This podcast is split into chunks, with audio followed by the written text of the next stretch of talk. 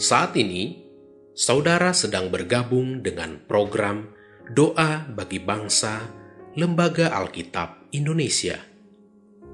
Doakan, wartakan, donasikan melalui li nk.tr.ee slash alkitab. Salam Bapak Ibu dan anak-anak yang terkasih di dalam Tuhan. Sebelum kita berdoa, mari terlebih dahulu kita mendengarkan firman Tuhan yang terambil dari Injil Matius pasal ke-26 ayat yang ke-41. Demikian bunyi firman Tuhan. Berjaga-jagalah dan berdoalah supaya kamu jangan jatuh ke dalam pencobaan. Roh memang penurut, tetapi daging lemah. Mari kita sama-sama berdoa. Bapa kami dalam kerajaan sorga yang mulia, kami bersyukur ya Allah atas setiap penyertaan-Mu di dalam kehidupan kami. Kami juga boleh bersyukur pada saat ini akan kondisi bangsa kami yang semakin hari semakin membaik. Begitu juga gerak perekonomian semakin terlihat meningkat kembali.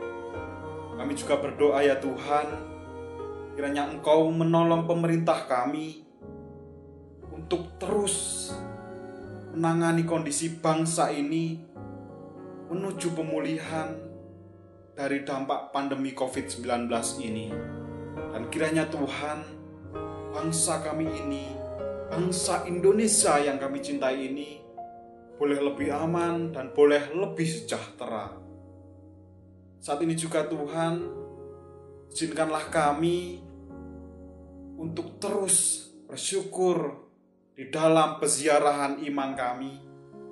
Kami berdoa Tuhan, bagi keluarga-keluarga Kristen, kiranya semakin dekat dengan firman Tuhan dan menjadikan Alkitab sebagai pelita bagi kehidupan keluarga.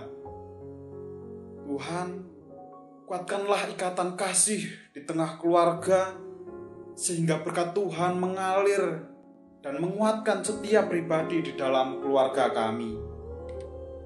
Ya Allah Bapa di sorga, saat ini juga Tuhan kami berdoa secara terkhusus kiranya umat Tuhan turut ambil bagian bersama dengan Lembaga Alkitab Indonesia untuk menghadirkan kasih Allah di tengah keluarga dan sesama.